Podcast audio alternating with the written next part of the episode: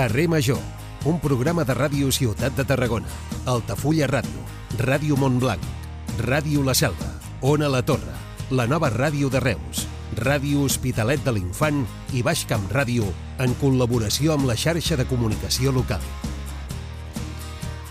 Hola, bona tarda, benvinguts un dia més a Carrer Major. Avui l'obrim amb dades que no m'han fet cap gràcia, però cap ni una. D'una banda, 7 de cada 10 dones tenen por de patir una agressió sexual quan van caminant soles pel carrer de nit. Es tracta d'una de les principals conclusions de la tercera onada de l'enquesta Omnibus que elabora el Centre d'Estudis d'Opinió i que s'ha presentat avui dimecres. Aquest baròmetre reflecteix que la majoria de dones, més de la meitat, un 52%, afirmen tenir molta por d'un atac de caire sexual. Un percentatge que puja fins a 7 de cada 10 dones en la franja més jove, en la que va de 18 a 25 anys. Alguna cosa no estem fent bé, si la percepció d'inseguretat és aquesta. I d'altra banda, l'altra dada que tampoc m'ha fet gràcia és que gairebé un 80% dels vehicles fabricats a Espanya l'any passat encara són de gasolina o de dièsel. Només un 20% dels vehicles nous, vehicles nous, eh, fabricats, són de baixes emissions. Un percentatge encara molt baix, tot i que ha crescut 6,4 punts si ho comparem amb l'any anterior. I després recullo també una d'aquelles declaracions que vistes des d'aquí de Catalunya molta gràcia no fan. Són paraules avui del ministre de Transports, d'Òscar Puente, que ha justificat que l'Estat investeixi més a la xarxa de Rodalies de Madrid perquè ha dit, literalment, que està menys dotada que la de Catalunya. Ho ha dit avui davant d'una compareixença al Congrés on ha explicat que el pla de Rodalies de Catalunya té previst una inversió de 6.400 milions, que dius, oh que bé, molts diners, però és que a Madrid encara són més diners, són 7.100 milions d'euros que té previst invertir l'Estat. I el ministre, a més, ha admès que es destinaran el nombre de nous trens a Madrid perquè són els més necessitats de renovació. La pròxima vegada que esperi un tren durant una hora perquè hi ha hagut alguna avaria, senyor ministre, pensaré en vostè. I això passa relativament sovint. I una altra qüestió en l'àmbit polític i laboral. Avui el conseller de Salut, Manel Vancells, i els sindicats majoritaris, és a dir, la UGT, Comissions Obreres, SATSE i Metges de Catalunya, han signat les taules retributives del tercer acord de l'Institut Català de la Salut. Un acord que ha sigut amb els eh, sindicats majoritaris, però que recordem que no tothom el veu amb bons ulls.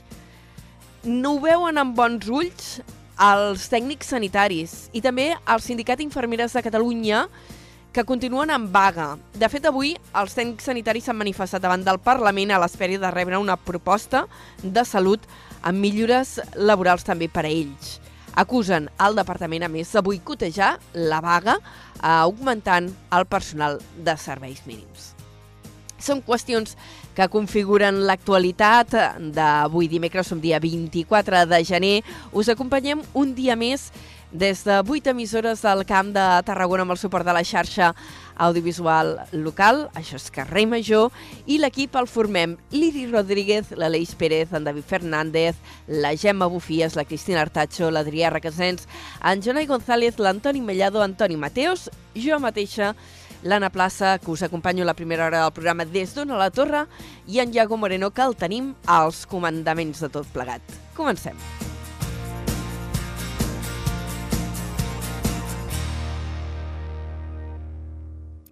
Carrer Major, Anna Plaza i Jonai González.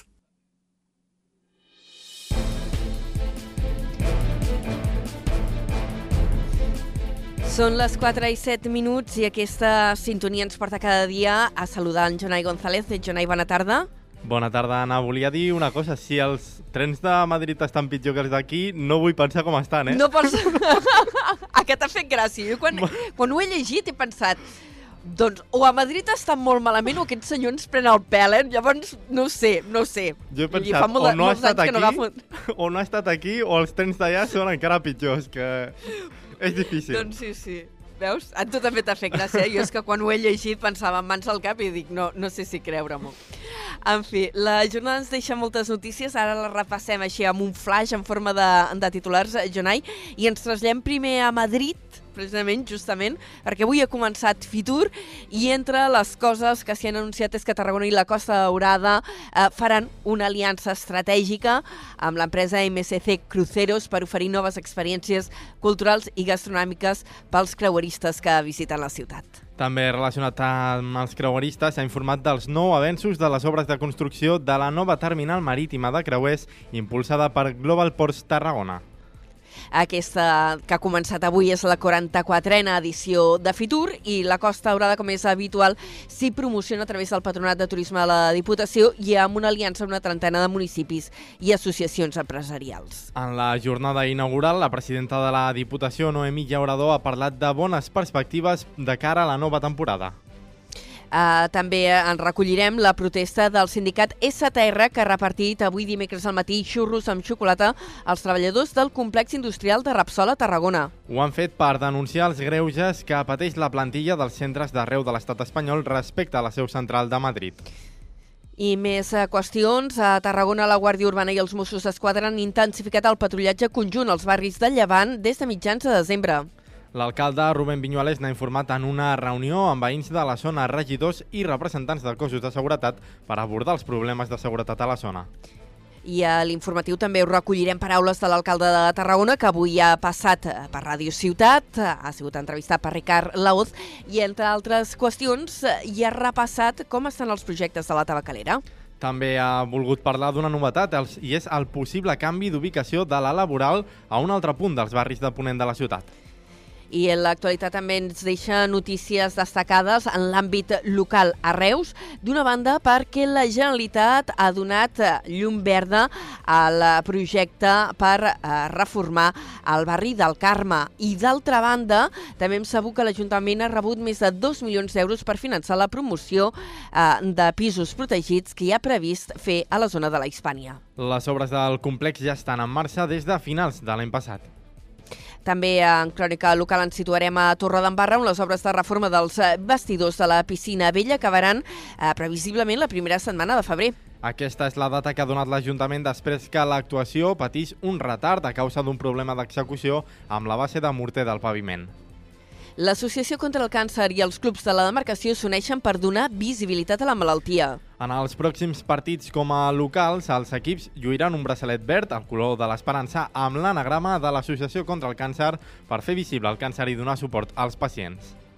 I en cultura destacarem a la creació a Tarragona del Festivalet Blau. Es farà del 22 de febrer al 12 de març i es tracta d'un certamen literari relacionat amb els llibres infantils i juvenils. Sí, com dèiem, una iniciativa cultural ciutadana creada per potenciar el món de la lectura infantil i juvenil de la mà d'autors, il·lustradors, editorials i impremtes locals.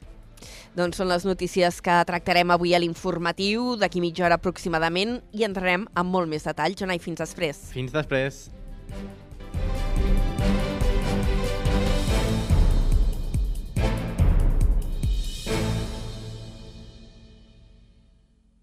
Carrer Major. Toni Mateos.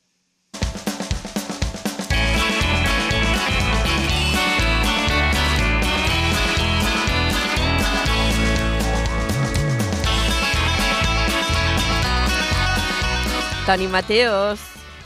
Ana Plaça, et recordo Què? una cosa. Digue'm. Et recordo una cosa. Òscar nou, Puente, Sí? el ministre, Sí? que ha dit això dels trens, Sí? Li va molestar amb un tren. Un noi li va començar a preguntar ¿Qué piensa usted de Puigdemont? I Ah. ell va dir no me intimide más, no me intimide más. I l'altre, no, sí, sí, potser vol més trens perquè no el molestin. Ja, deu ser això. Deu ser això, potser. No, no ho sé, eh? és que igual potser té raó el Jonà i jo ara no sóc conscient de que a Madrid el servei de Rodalies està fatal, però clar, jo em Ah. queixo del que tinc aquí a casa, m'entens? A veure, Que és un drama tot. Tengo, tengo amigos en Madrid y del tren no se quejan. Ay, pues aquí, aquí la gente se queja mucho del tren, ¿eh? Tengo amigos aquí que sí que se quejan, ¿no? Però bueno, el, els que es queixen són els meus amics extremenys. De- D'això sí que es queixen, eh, del tren d'Extremadura. Uh, però- em però- puc però- imaginar que a Extremadura, mm, si aquí estem deixats una mica de vegades de la mà de Déu, tens aquella sensació de eh, que aquí hi ha molta gent, eh, que aquí hi ha molt de pip, eh, que aquí mm, d'allò en recordeu-se'n de nosaltres. Imagino que mm, Extremadura deu ser invisible, però nivell Master en Commander. Pobrets extremenys, com lo macos Pobrets. que són. Molt bé, molt bé. Però bueno, Saps que no he potser- estat mai a Extremadura? No has estat mai a Extremadura? Mai. Has d'anar al poble de fuerte. mons pares. Xica, has d'anar al poble de mons Home, pares. doncs mira, el dia que vulguis a l'estiu muntem una excursió, eh? Et deixo les claus. Tens allà a casa. No, va, no, Està jo a t'anava a dir, agafem la, la furgó de la Cristina Artacho Mira, i marxem a les i 8 se n'anem emissores d'excursió. I se n'anem d'excursió a Extremadura. a les I deu fotre una pueblo. calor? Pues eso, sí, pues sí, sí, sí, sí, sí, però hi ha piscina. hi ha I piscina, pues, I pues també hi ha rebujitos per refrescar-te. Molt bé. Quin planazo. Bueno, molt bé, quin mira, plan. una, una setmana eh? non-stop, eh? Seria una setmana non-stop. T'ho compro. mira. És qüestió de parlar-lo. Jo fico la casa, vosaltres el menjar i la resta posen I l'alcohol. n'anem ja està. d'excursió. Es, escolta'm, que, que no, no ens enrotllem, que ens enrotllem molt sempre tu i jo. I ja Sí, tenim sí. el Josep Anton Remolà, que és el nostre convidat avui de la primera hora, Molt bé. esperant els estudis de Ràdio Ciutat, que el veig aquí per la càmera. Molt bé. I, I res, amb ell hi parlarem ara, però tu què faràs a partir de les 5? Doncs mira, eh, primer parlarem del podcast de veïns que ens prepara, com cada setmana, l'Adrià Requesens des de Ràdio Ciutat de Tarragona. Farem un tastet. Parlarem amb el José Caramassa, eh, Camarassa, perdó, que és organitzador de la Fira Gaming, eh, que aquest dissabte estarà a la Canonja. I tindrem Hi ha una també... fira gaming a la Canonja? A la Canonja, sí, sí, sí. Què sí. m'estàs I- dient? Sí, sí, sí, sí. Parlarem amb el responsable d'aquesta fira i amb el regidor de joventut de la Canonja. Molt bé. Eh, parlarem amb tots dos d'aquesta fantàstica fira Gaming Experience de la Canonja. Carai. Trucarem al Guillemena, que ens donarà consells. Saps allò dels bons propòsits de cap d'any? Sí, de... sí. Aquest any, doncs, Sí. alguns ja, l'han- ja els han llançat a la brossa, ja ni, uns altres ni estan a punt. Eh? pues, pues, el, uns altres estan a punt. Doncs mira, preguntarem al Guille si és bona idea això de començar dieta al mes de gener, o si la podem començar al febrer o al març, en fi, i moltes coses. El Mellado i un servidor, els tonis del programa, parlarem de les nominacions als Oscars, Home! sobretot de la Societat de la Nieve, i no ens oblidem de Robot Dreams, a la Ah, la pel·lícula d'animació catalana, sí senyora, Yes. i banda sonora del Camp de Tarragona i avui furgoneta amb un enviat especial a Fitur. Home, i Alerta tant, amb és això. veritat. És veritat. Parlarem amb l'alcalde de Salou, amb el senyor Pere Granados. No m'ho per- puc creure. Sí, sí, sí. A Mira, Fitur, a Ara, Fitur, ara, Granados... ara és aquell moment en què rajaré perquè porto dos mesos intentant gestionar una entrevista amb aquest senyor i no hi ha manera. Ha hagut Pues a hauries d'haver anat a Fitur. Hauria d'haver anat a Fitur. Mare de Déu. Bueno, en fi, és igual, ja em sentiran. Dit això, avui, atenció, després de dos mesos d'intentar-ho, Pere Granados serà carrer major. Pere Granados, però Mateos, a fi- tot- Des de Fitur, eh? Des de Fitur, eh? No fos no als cas. estudis de Radio Ciutat ni, a, No. ni als teus estudis, no, no, no, no. Des de Fitur. Des de Fitur. Doncs, uh, Toni Mateus, tot això a partir de les 5 de la tarda. Moltes Sí, gràcies. Fins, Vinga, després. Adéu, adéu. Tot el que passa al Camp de Tarragona t'ho expliquem a Carrer Major.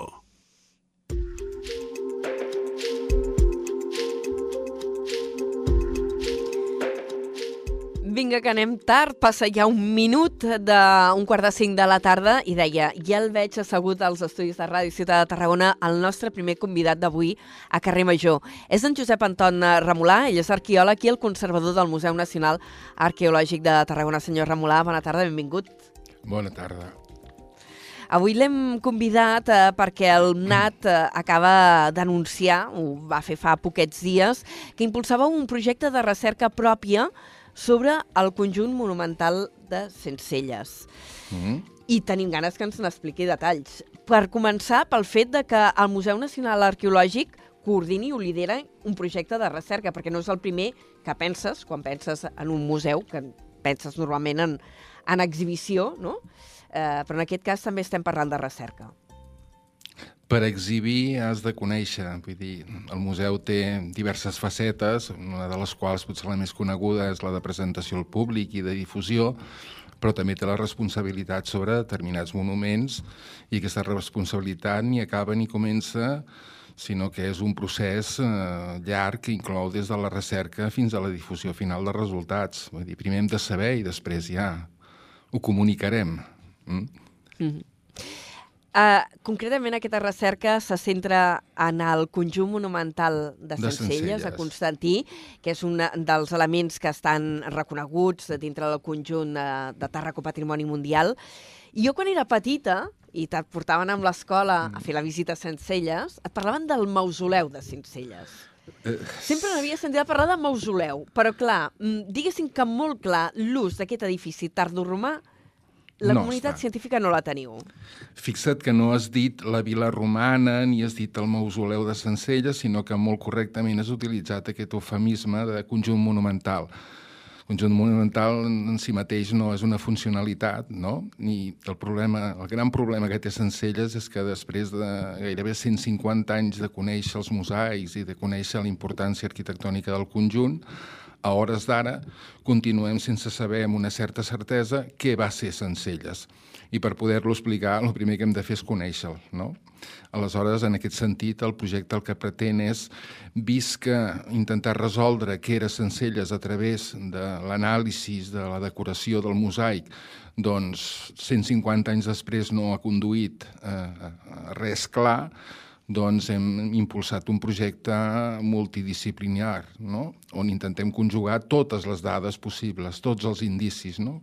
com si fos un, un procés de forense, no? recollir dades, valorar-les, ordenar-les i decidir quines d'elles doncs, poden ser rellevants. No? No, no tindrem una prova, una evidència probatòria, i quan no tenim això doncs ens hem de basar en la valoració dels altres indicis, a veure si ens poden orientar sobre quina és la, la, la funció d'aquest edifici, que entre altres coses és el conjunt arquitectònic més important de l'Occident romà d'època tardoromana. I malgrat això, malgrat aquesta monumentalitat i aquest estat de conservació i la presència del mosaic, doncs la veritat és que a hores d'ara encara no podem donar per segura cada, cap de les funcions que s'han proposat fins ara.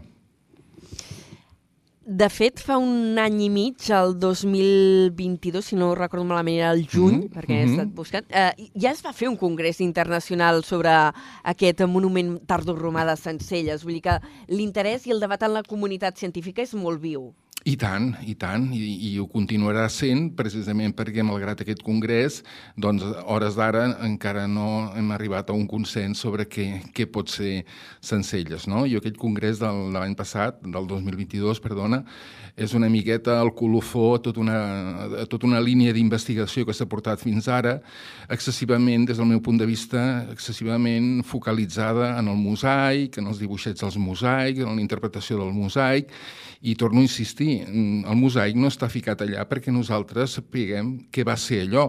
El mosaic és una decoració d'una sala principal i la, i la funció de tot el conjunt no vindrà determinada pel mosaic, sinó que vindrà determinada per l'estructura, per la planta, etc etc. no?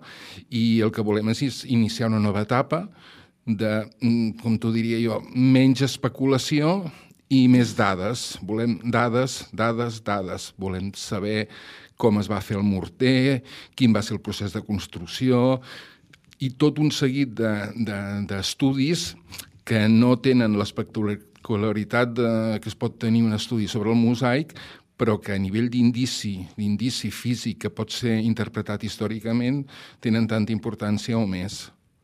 Mm -hmm.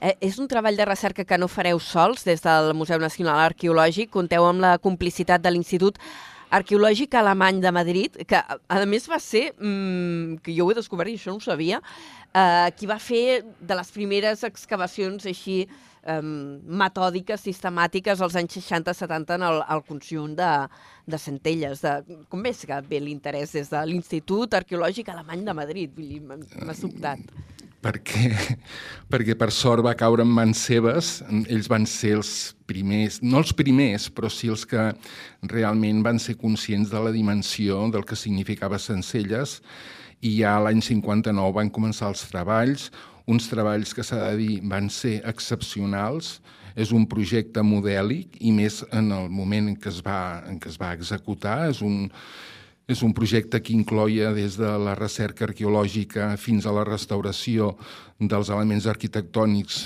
que hi havia, hi havia presents, que va aconseguir dotar eh, el Camp de Tarragona d'una àrea monumental que fins aleshores havia, era un mas i no formava part del patrimoni del patrimoni visitable, és a dir, la intervenció del DAI a tots nivells, des de la restauració fins a l'excavació, va ser modèlic. I estem molt, molt contents, la veritat, és de que el, el DAI actual, la direcció actual del DAI Madrid, hagi entès que, que la iniciativa del Manat pot ser una bona oportunitat per recuperar l'interès pel que va ser el projecte número 1 de l'Institut Arqueològic Alemany a la península, en la península ibèrica i estem treballant de la mà i, i ja, de fet, tenim ja, doncs, fa poc ens, en, en l'acte, en la reunió que vam tenir fa poc, ens van lliurar un disc dur extraïble amb una quantitat enorme d'imatges de, de, de la intervenció de gairebé 20 anys que van tenir el monument i que fins en aquest moment no disposàvem. O sigui que ara també ampliar una mica arxiu del Museu Nacional Arqueològic sí. amb tot aquest, eh, amb aquest treball de recerca que ja s'havia fet fa 4 o 5 dècades eh, al conjunt de, de Sencelles. O sigui, és com si sortís a la llum material inèdit que ja existia. Sí, és que és un doble front. Hi ha un front de tot lo nou que pretenem fer, les noves excavacions que pretenem fer, però després hi ha un cos importantíssim que és revisar eh, tota la informació generada durant aquestes dues dècades de presència de l'Institut Arqueològic Alemany a Sencelles. Malauradament, per motius que ara seria molt llarg entrar-hi, al final només es va publicar el mosaic. L'any 1988, Helmut Schlung publica eh, l'estudi iconogràfic dels, del mosaic de Sencelles però no es va fer el pas següent, o inclús te diria, el que hauria d'haver estat el pas anterior, que hagués estat la publicació de les excavacions i de l'estudi arquitectònic. Ni les excavacions ni l'estudi arquitectònic van ser finalment publicats. Això vol dir que ara una de les feines que pretenem és fer la revisió de tot aquest material, integrar-lo amb totes les dades que tenim, amb aquest objectiu, no? Torno a insistir sobre Sencelles, a vegades sense gaire coneixement de causa, s'han dit, tota, tot, dit moltes coses i, i, i ja n'hi ha prou no? d'especular. Anem primer a tenir dades el més objectives possibles i a partir d'aquestes dades veure com podem deduir doncs, qüestions com la funcionalitat, que és importantíssima, però també la cronologia, que tampoc és un tema que estigui definitivament clar cronologia que no està clara, però sí que situeu aquell espai en l'època tardoromana. Sí. Acotem una mica amb el temps tot això. Sí, bueno, el, el període tardoromà, en el cas de Tàrraco, s'inicia a finals del segle III, quan l'imperi comença a tenir ja a manifestar-se greus problemes, i és aquesta etapa eh, que ara diem final, perquè sabem el resultat final que va acabar, no? però és una etapa molt interessant perquè significa tota una transformació profunda encara dins del propi imperi romà, que és la que portarà després al naixement de, de, pràcticament de l'Europa de l'Europa actual. Per tant, és un període capdalt de la història, tot i que potser no tingui la monumentalitat del Temple d'August de Tarragona, és un altre període, les coses s'han redimensionat, però des del punt de vista històric i en relació a Tarragona té una importància fonamental. Mm. I què és el que us fa dir, eh, des de l'àmbit acadèmic i de recerca, que aquest eh, espai de Sencelles té tanta importància? Mira. Més enllà del mosaic, que ara hi entrarem a parlar sí, del no, mosaic. No, ja. no, no, sí, sí, no, no. Eh, a veure, el mosaic no està penjat de la sala d'un museu. El mosaic forma part de la decoració de la cúpula de l'estança principal d'un conjunt arquitectònic de més de 100 metres de façana est-oest. Eh, és, per tant, una part important, però només una petita, una petita part. El que hem d'intentar entendre és tot el conjunt i, i, i no ho podrem fer, a lo millor, només des, de, des, de, des del mosaic. De, per, de, Sencelles han proposat diferents funcions. Una, la que comentaves tu abans, que va ser un mausoleu, un mausoleu imperial. És el que ens explicaven a l'escola de petits, Sí. eh? Quan et feien la visita de Constantí, Jo- deien, això era un mausoleu. Jo ho he explicat, jo ho he explicat, això. Jo, Jo- ho he explicat. he explicat que era un mausoleu, m'acostava d'entendre-ho, però ho, vaig, ho he explicat. I després ho he explicat com una vila, com una vila romana, no? Si, està, si és romà i està en el camp, doncs serà una vila. I, i tampoc funciona, i per això hem proposat una, una hipòtesi alternativa que pot semblar una mica disruptiva, que és Què que és? estigui que sigui, mm, com, que no sé si trobo la paraula adequada, seria la base logística dels exèrcits imperials romans durant l'intent de reconquesta d'Hispània.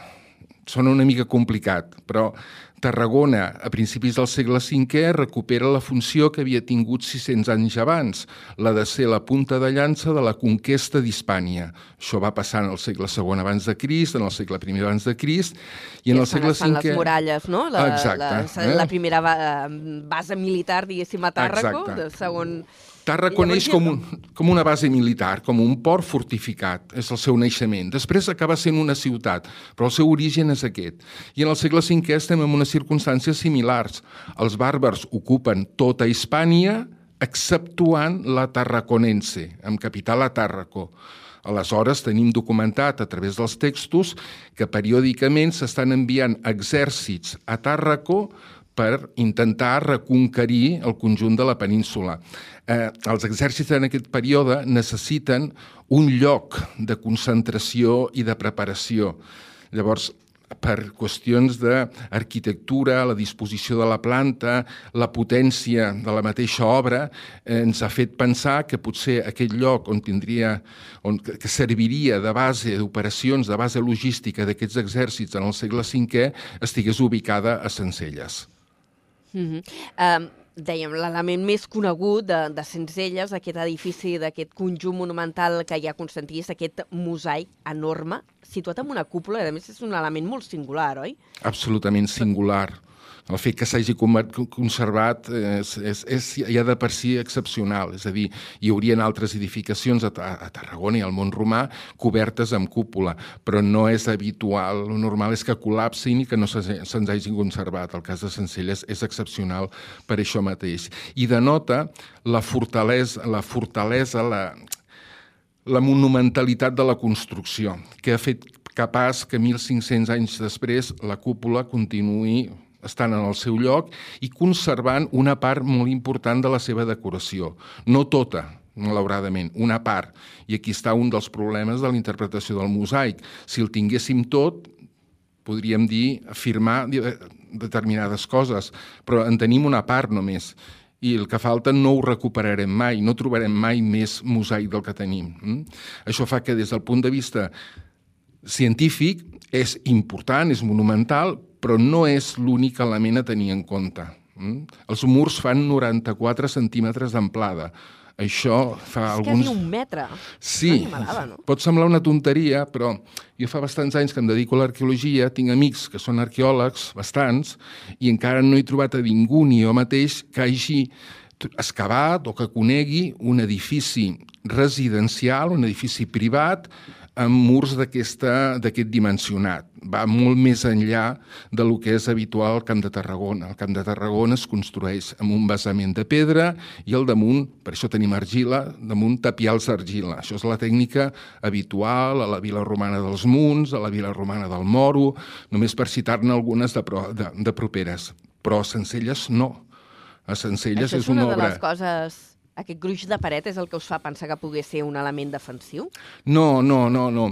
A veure, quan, quan, quan hi ha un assassinat i no tens una filmació de vídeo o una confessió, has de jugar, eh, no jugar, has de intentar determinar les dades, totes, fer un anàlisi del conjunt, l'amplada dels murs, la disposició de les portes, el caràcter tancat, la decoració del mosaic, tots són dades que al final les hem d'ordenar i hem de valorar quines són irrellevants i descartar-les i quines són realment significatives. No?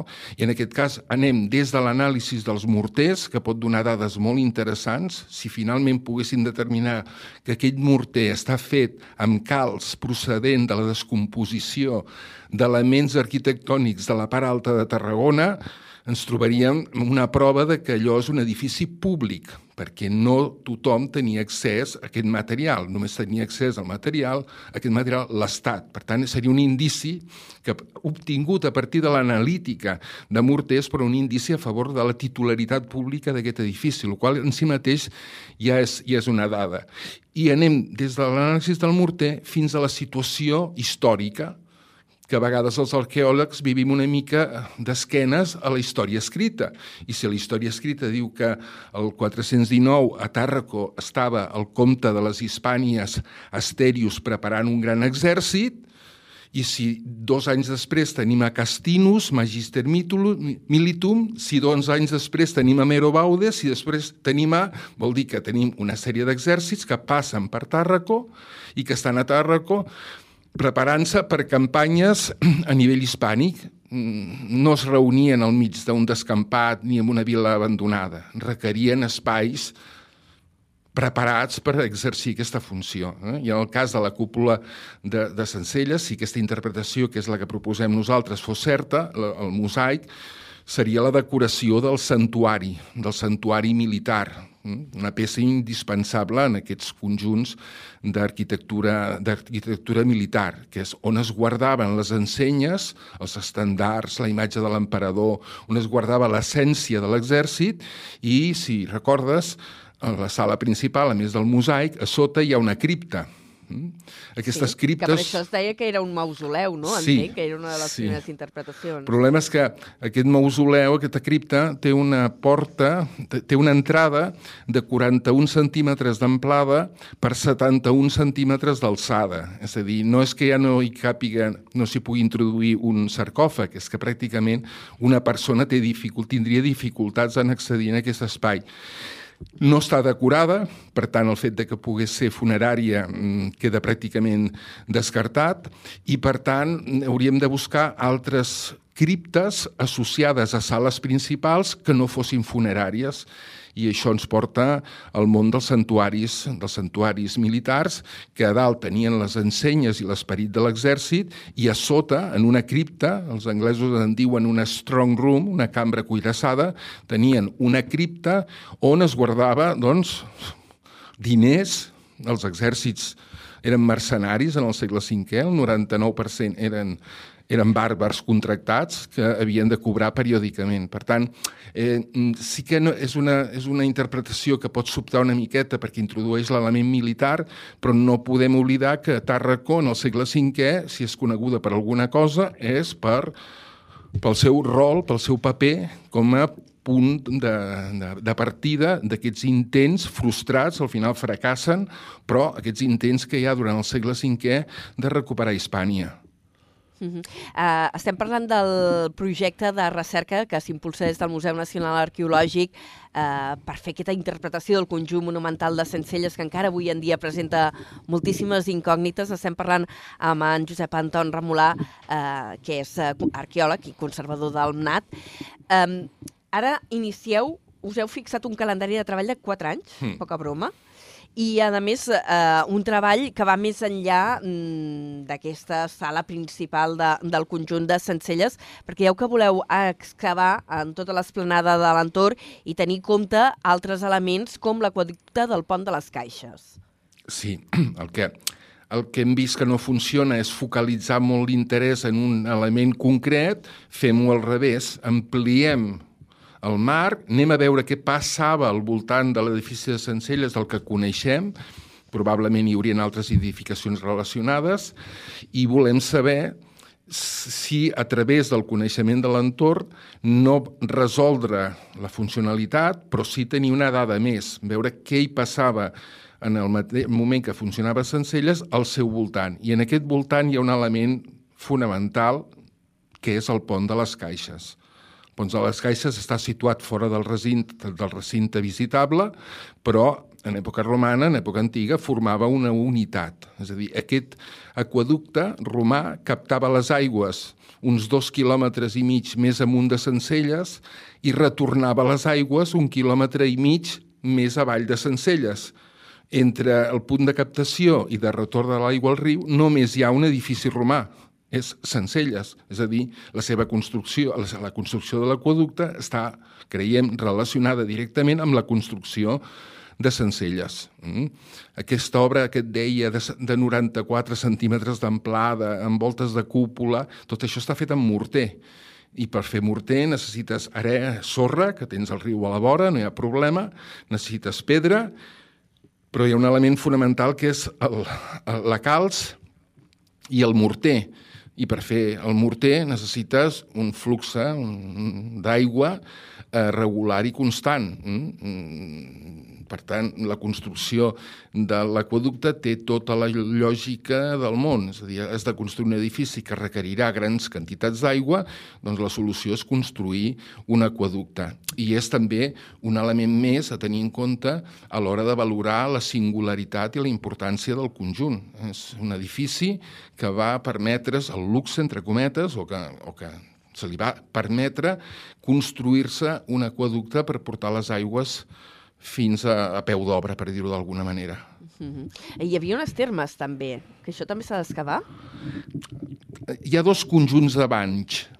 Un que està íntegrament excavat per part de l'Institut Arqueològic Alemany i n'hi ha un altre que es va excavar parcialment i que el que volem fer ara, més per motius museogràfics que científics, científics també, és excavar-ho per, per incorporar-los a la visita. Actualment, quan acabes la visita, surts a fora, veus uns arcs que no acabes d'entendre ben bé què signifiquen. Si recuperem la planta associada a aquests alçats, a lo millor serà més fàcil d'entendre i el visitant doncs, tindrà l'oportunitat de, de, de tenir un, un recorregut més complet que hauria de finalitzar amb la visita al Pont de les Caixes. El Pont de les Caixes i Sencelles ens hem d'acostumar a veure com, una, com el que va ser en el seu moment, que és una unitat, tot i que actualment pertanyin a administracions diverses i estiguin, estiguin separats. El vincle Pont de les Caixes, Sencelles, crec que s'ha de reforçar. Doncs eh, hem parlat d'un projecte de recerca mm, que ara comença per guanyar eh, coneixement i interpretació del conjunt de Sencelles, acabar de definir la seva cronologia i també quin ús, perquè encara no està gens clar eh, que va tenir eh, aquest edifici en època tardoromana i també eh, poder ampliar la superfície visitable, que suposo que també és una cosa que des del Museu Nacional Arqueològic eh, us interessa. És un Moltíssim. En col·laboració amb l'Ajuntament. És a dir, Sencelles és el centre.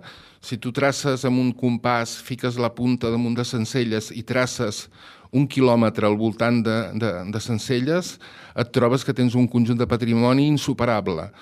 Sencelles, el Pont de les Caixes, el molí de l'arquebisbe o el molí de Constantí, íntegrament del segle XV des dels fonaments fins a dalt, el molí d'Escaladell, el molí de Reus, és a dir, tens tot un conjunt patrimonial al voltant de Sencelles que, ja, tant des del punt de vista del museu com de l'Ajuntament, com del ciutadà en general, crec que ens interessa molt de coordinar i de potenciar.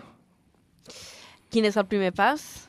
Josep Anton? El primer pas, és, eh, l'any passat, l'any passat ja vam començar amb les primeres intervencions arqueològiques. Aquest any tenim previst per la primavera fer una prospecció geofísica, prospecció geofísica no dins del monument, sinó al voltant del monument, de l'esplanada que hi ha davant del monument, i també el pont de les caixes, per veure si podem identificar el traçat de la canalització de la canalització eh, romana. I també farem eh, les analítiques, que és un tema que crec que pot donar molt bons resultats, eh, les anàlisis dels, dels morters i d'altres materials constructius utilitzats en la seva, en la seva construcció. Mm?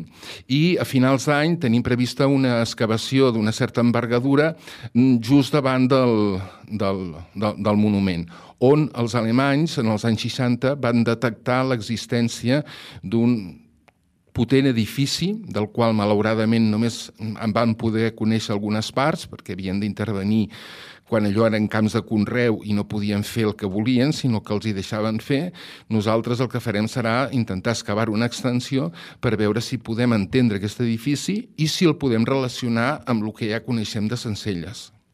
Mm -hmm. Doncs li agraïm moltíssim al Josep Anton Remolà, conservador del Museu Nacional Arqueològic, eh, perquè avui hagi passat per carrer Major, per donar-nos explicacions de tot aquest projecte que teniu al voltant de, de Sencelles, del conjunt monumental de Montbriam. Espero que ho anem repetint, això, a mesura que anem fent actuacions i obtinguem resultats. Oh, i tant, a mesura que tingueu resultats, jo encantada de la vida de parlar-ne. I els nostres oients segur que encantats de la vida d'aprendre'n també. Moltíssimes gràcies. A vosaltres. Fins la pròxima. Gràcies. Bona tarda. Adéu.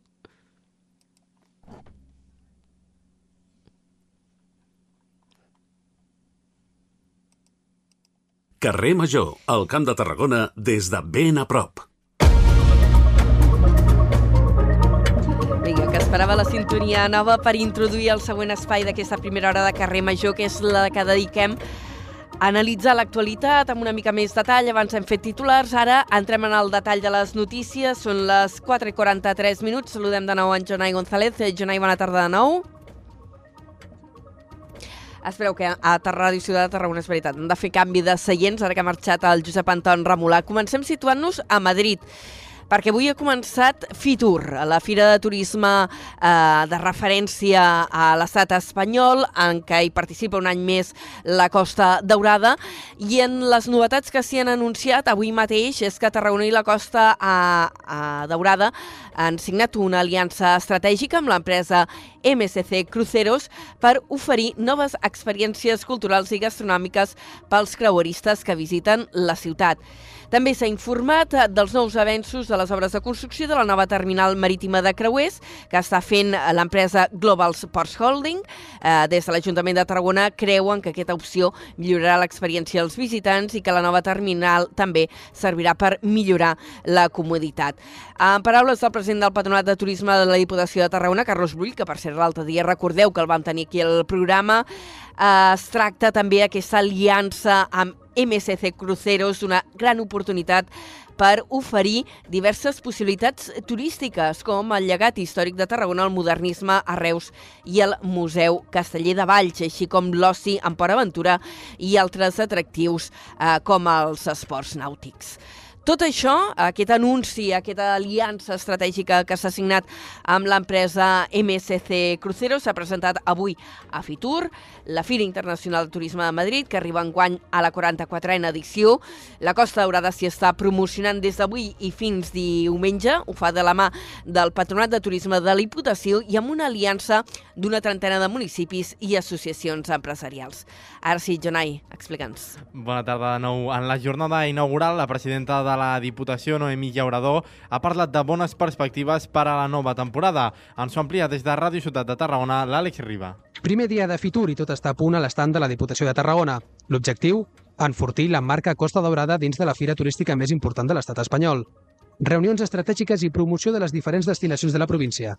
En això consistirà la feina del Patronat de Turisme de la Diputació durant els pròxims dies a l'esdeveniment que té lloc cada any a Madrid, ja des de l'obertura dels pavellons s'aprecia la gentada que circularà per davant del mostrador de la Costa Daurada, amb Salou i Port Aventura com a principals espases.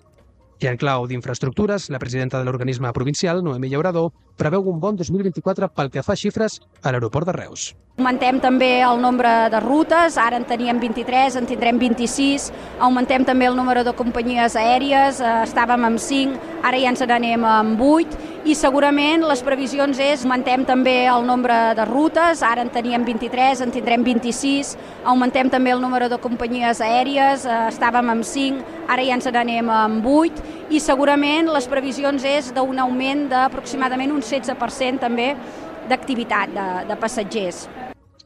Segons dades del Tourism Data System, la província de Tarragona va registrar gairebé 20 milions de pernoctacions durant el 2023, a dia 15 de novembre, el que representa un 3,2% menys que abans de la pandèmia, però un 3,6% més respecte al 2022. Per tant, el sector turístic haurà de continuar treballant per arribar a la recuperació total. La presència a Fitur, sens dubte, és indispensable per assolir-ho. L'actualitat eh, passa per Madrid, passa per eh, Fitur, però també per qüestions urbanístiques. Hi ha hagut ja llum verda per les obres de millora del barri del Carme de Reus. La Comissió d'Urbanisme de Tarragona ha aprovat definitivament la modificació del planejament de Reus. Des de la nova ràdio de Reus ens ho explica en David Fernández. Gràcies a la llei de barris, ara fa 20 anys, ja es va intervenir la part més interior del barri del Carme. Ara, la Comissió d'Urbanisme de Tarragona de la Generalitat ha aprovat de manera definitiva la modificació del planejament urbà de Reus que ha de permetre construir un nou centre d'atenció primària, 37 habitatges de lloguer assequible i un aparcament soterrat a la zona de l'actual aparcament de Sant Francesc. A partir d'ara, l'Incasol ja podrà licitar la redacció del projecte d'urbanització i d'arquitectura d'aquests nous edificis. En total s'hi invertiran 9 milions d'euros, dels quals 3 i mig els posa l'Ajuntament, l'Incasol n'aportarà 4 per a les dues promocions d'habitatge i el Servei Català de la Salut n'assumirà 1,5 per construir el nou centre d'atenció primària. Moltes gràcies, David. Eh, I, per cert, també l'Ajuntament de Reus ha rebut més de 2 milions d'euros per finançar la promoció de pisos protegits que estan previst fer a la zona de la Hispània. Les obres del complex ja estan en marxa des de finals de l'any passat. Ens ho amplia novament des de la nova ràdio de Reus, en David Fernández. El consistori reusenc va començar les obres de construcció del futur complex urbanístic de la zona de la Hispània a la Riera Miró el passat mes de novembre. El projecte preveu habitatge social, un aparcament públic, un equipament municipal i la urbanització exterior de l'espai amb un pressupost d'adjudicació de 19 milions d'euros. Amb l'ajuda de 2 milions procedents dels fons europeus Next Generation es finançaran 48 habitatges protegits que gestionarà l'Ajuntament. En total s'edificaran més de 8.100 metres quadrats, dels quals 7.700 estaran destinats a habitatges de protecció oficial. D'altra banda, el consistori també ha explicat que el nou aparcament de la zona, que s'integrarà a la xarxa d'aparcaments municipals, comptarà amb 340 places repartides en tres plantes. I en l'àmbit laboral eh, recollim eh, les demandes dels treballadors del Servei d'Atenció de Telèfon d'Emergències al 112, que avui mateix han anunciat que mantindran les aturades per exigir al govern la internalització del servei. Els sindicats han donat compte de l'estat actual del conflicte avui des del Parlament i han reclamat al govern que faci efectiva la, la internalització d'aquest servei i no prorrogui a Ferrovial el contracte de gestió. Un conflicte que, recordem, afecta dels treballadors del 112 de Reus i que fa mesos que s'arrossega. I en paral·lel avui també el sindicat STR ha repartit aquest matí xurros amb xocolata als treballadors del complex industrial de Repsol a Tarragona per denunciar els greuges que diuen que plateix la plantilla dels centres de Reus a l'estat espanyol respecte al seu centre de Madrid. L'organització es queixa de les diferències en matèria de flexibilitat horària, teletreball i equipaments. L'empresa ja va convidar xurros als treballadors de la matriu abans de Nadal i ara, utilitzant simbòlicament els xurros, el sindicat reclama Repsol i als seus directius mesures per a garantir els mateixos drets i el mateix tracte. El sindicat de treballadors considera que la falta de consideració vers els treballadors no es pot permetre a una companyia que proclama la igualtat i la justícia social. Rosa Peral ha declarat avui divendres al jutjat d'instrucció número 5 de Tarragona com a investigada per un suposat delicte d'alçament de béns. La condemnada pel crim de la Guàrdia Urbana de Barcelona hauria donat la propietat que compartia amb el seu exmarit a Vilanova i la Geltrú el seu pare, Francisco Peral, que també ha prestat declaració aquest matí. La donació de l'habitatge familiar hauria servit presumptament per evitar pagar la indemnització a la família de Pedro Rodríguez. A la sortida de la vista, l'advocada de Peral, Núria González, i el lletrat de la família de la víctima, Juan Carlos Tallas, no han volgut fer declaracions a petició de la instructora del cas que els ha demanat que les mantinguin en secret. Les declaracions dels dos investigats han durat al voltant d'uns 30 minuts cada una i la vista ha generat molta expectació mediàtica a les portes dels jutjats tarragonins. La Guàrdia Urbana de Tarragona i els Mossos d'Esquadra han intensificat el patrullatge conjunt als barris de Llevant des de mitjans de desembre. L'alcalde Robert Viñuales n'ha informat en una reunió amb veïns de la zona, regidors i representants dels cossos de seguretat per abordar els problemes de seguretat. Fa un mes i mig es van acordar mesures per intensificar la presència policial. També es va acordar l'actuació setmanal de la unitat de drons i el desplaçament d'una unitat mòbil de denúncies. A la nova reunió amb els veïns, Vinyuales ha reconegut que darrerament hi ha hagut més robatoris a Llevant, però ha matisat que no es tracta de grups violents. També ha detallat el treball conjunt que estan realitzant la Urbana i els Mossos. De fet, hi ha una intensificació de les patrulles, unitat mòbil de, de denúncies, també hem fet patrullatge amb drons, també pensi l'extensió no, de la zona de Llevant i també la diferència no, de zones residencials. Per això la unitat de drons està actuant i continuarà actuant. A més a més, patrullatge conjunt de Mossos i Guàrdia Urbana, una coordinació total intensa en aquest sentit.